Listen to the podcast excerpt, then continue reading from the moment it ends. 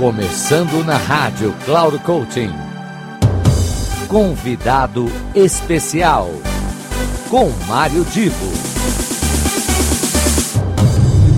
Aqui é a Rádio Cloud Coaching, eu sou Mário Divo e hoje recebemos como convidada especial a Sharon Feder. Ela vai se apresentar, tem um currículo incrível voltado à qualidade de vida, desenvolvimento pessoal e uma coisa importante, eu vou dar um spoiler aqui do que a Sharon vai falar. Todo ano, as pessoas não fazem promessa, todo ano não, né? todo final de ano, as pessoas não fazem promessas, olha, eu vou fazer isso, agora no ano que entra eu vou fazer tal coisa, eu vou, vou construir isso, ou vou conquistar aquilo. Pois bem, Aí chega no começo do ano seguinte, logo essas promessas são esquecidas. Pois hoje, preste muita atenção, porque a Sharon vai uh, dar para vocês uma dica de como vocês podem garantir que as promessas de fim de ano sejam levadas a sério no ano que entra.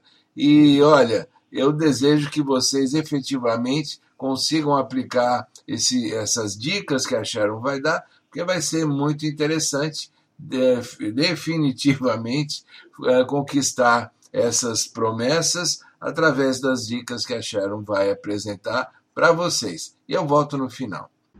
Olá, pessoal. Meu nome é Sharon Feder. Eu sou formada em psicologia nos Estados Unidos. Eu tenho diversas formações na área de mudança de comportamento. Inclusive, eu tenho um livro publicado na área que chama Desperte a Mudança.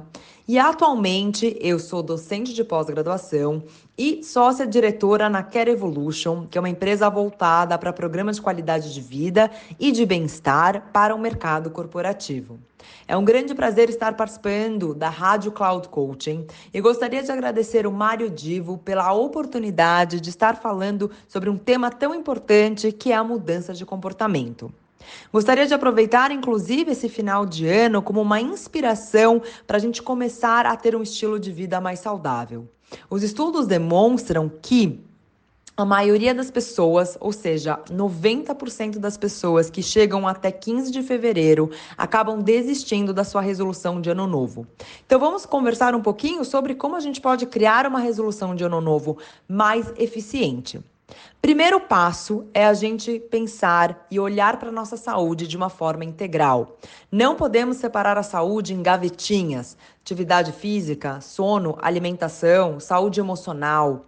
Nós somos um ser único e a nossa saúde ela é integrada. Por isso que a gente tem, sempre tem que pensar em cuidar da nossa saúde desse olhar mais holístico. Segundo, a gente precisa criar pequenos passos. Não adianta eu criar metas muito arrojadas, que isso só vai levar à frustração. Então comece com uma meta de que tenha uma duração de até 15 dias e uma meta que contemple o mais o, o máximo de detalhes, pensando em onde você vai realizar essa meta, quantas vezes por semana, qual é a duração, o que, que é necessário para essa meta? Precisa de algum material, algum local específico? Como, por exemplo, uma meta não inteligente seria: eu vou começar a atividade física. Isso é uma meta que só vai levar ao fracasso. Comece com uma meta como, por exemplo, irei caminhar duas vezes por semana, de terça e quinta, das sete e meia às oito e meia, no parque perto de casa. Quanto mais específico, mais bem sucedida a sua meta. E terceira dica para uma resolução de ano novo de sucesso: encontre uma pessoa para te apoiar nesse processo. Quando a gente tem um parceiro ou parceira que nos incentive a mudar, maiores as chances de sucesso. Espero que vocês tenham gostado do conteúdo, pessoal. Será um prazer tê-los pelas minhas redes sociais. Só procurar por Sharon Feder no LinkedIn, no Facebook ou no Instagram. Meu Instagram, inclusive, é ssfeder ou você procura pela Care Evolution Consultoria. É, desejo um excelente final de ano e conto com vocês na participação da Rádio Cloud Coaching. Pois então, foi um papo muito legal esse da Sharon, né? Então agora você já sabe aí como se posicionar para realizar, efetivar essas suas promessas de final de ano. Eu desejo que você esteja nos acompanhando não só aqui uh, nesse espaço do convidado especial ou convidada especial, mas que você nos acompanhe em toda a programação da Rádio Cloud Coaching, onde você só tem a ganhar, seja com informações, com dicas, com sugestões, comentários, enfim. É uma troca de conteúdo que você não pode perder com todos os colunistas da Cloud Coaching. Um grande abraço e até a semana que vem. Final do programa Convidado Especial.